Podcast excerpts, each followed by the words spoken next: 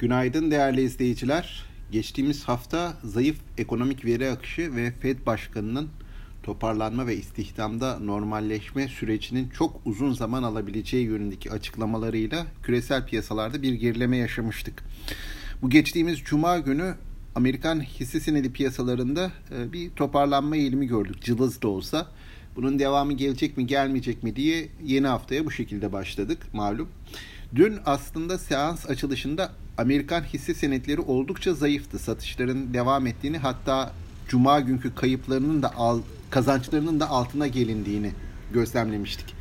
Ama sonrasında e, Amerika'da bizim seans kapanışından sonra Fed'den gelen bir açıklama var. Bu şirket tahvillerinin satın alınacağına dair bir açıklama ve bu piyasaların yeniden toparlanmasına ve günü artıda kapatmasına imkan sağladı.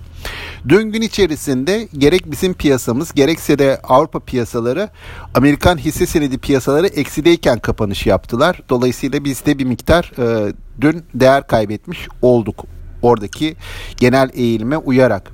Bakıldığı zaman bizim piyasamızda son dönemde yeniden BIST 30 dışı şirketlerin ön plana çıktığı dikkat çekiyor. Hem hacim olarak hem getirilerde.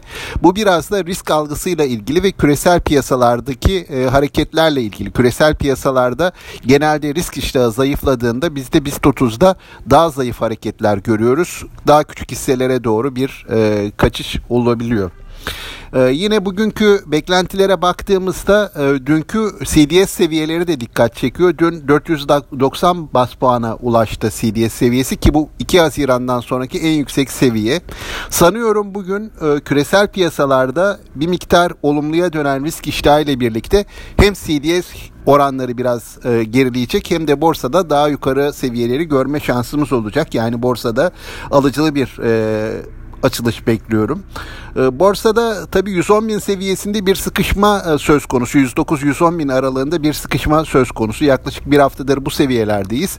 Belki bu seviyelerin aşılması biraz güç olabilecek ama e, genelde Avrupa, Amerika tarafı özellikle destek verirse bu seviyelerin de aşılabileceğini düşünüyorum. Bütün yatırımcılara sağlıklı, bol ve bereketli kazançlı günler dilerim. Hoşçakalın.